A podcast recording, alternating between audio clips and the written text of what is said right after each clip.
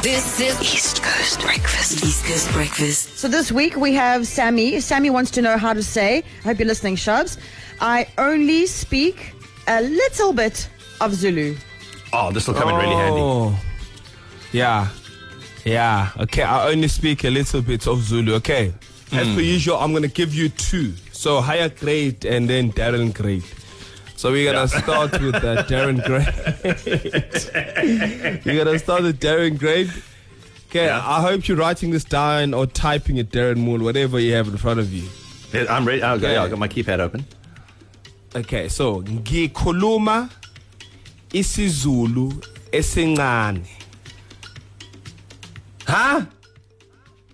Ngikhuluma isiZulu esincane. Okay. So, So, you this come is to how you say. Yeah.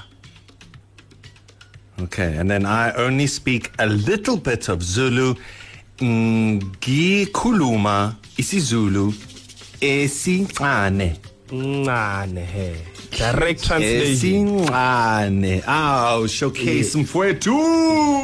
Showcase mfethu mfoka corona. what's a high grade one? So, uh, Darren, Kerry Miller, this one is for you. Hmm. I only speak a little bit of Zulu. Ngiyasikhuluma isiZulu kancane. Yes, I do speak a little bit of Zulu. All right, I'll give it a go. Ngiyasikhuluma Yeah. isiZulu kancane.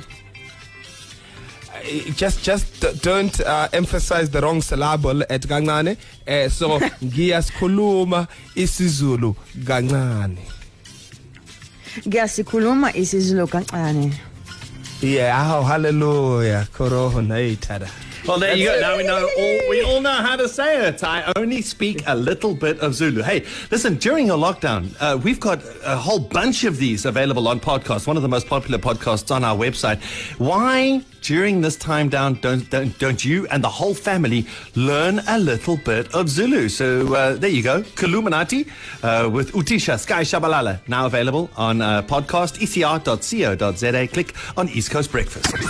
This is East Coast Breakfast. East Coast Breakfast.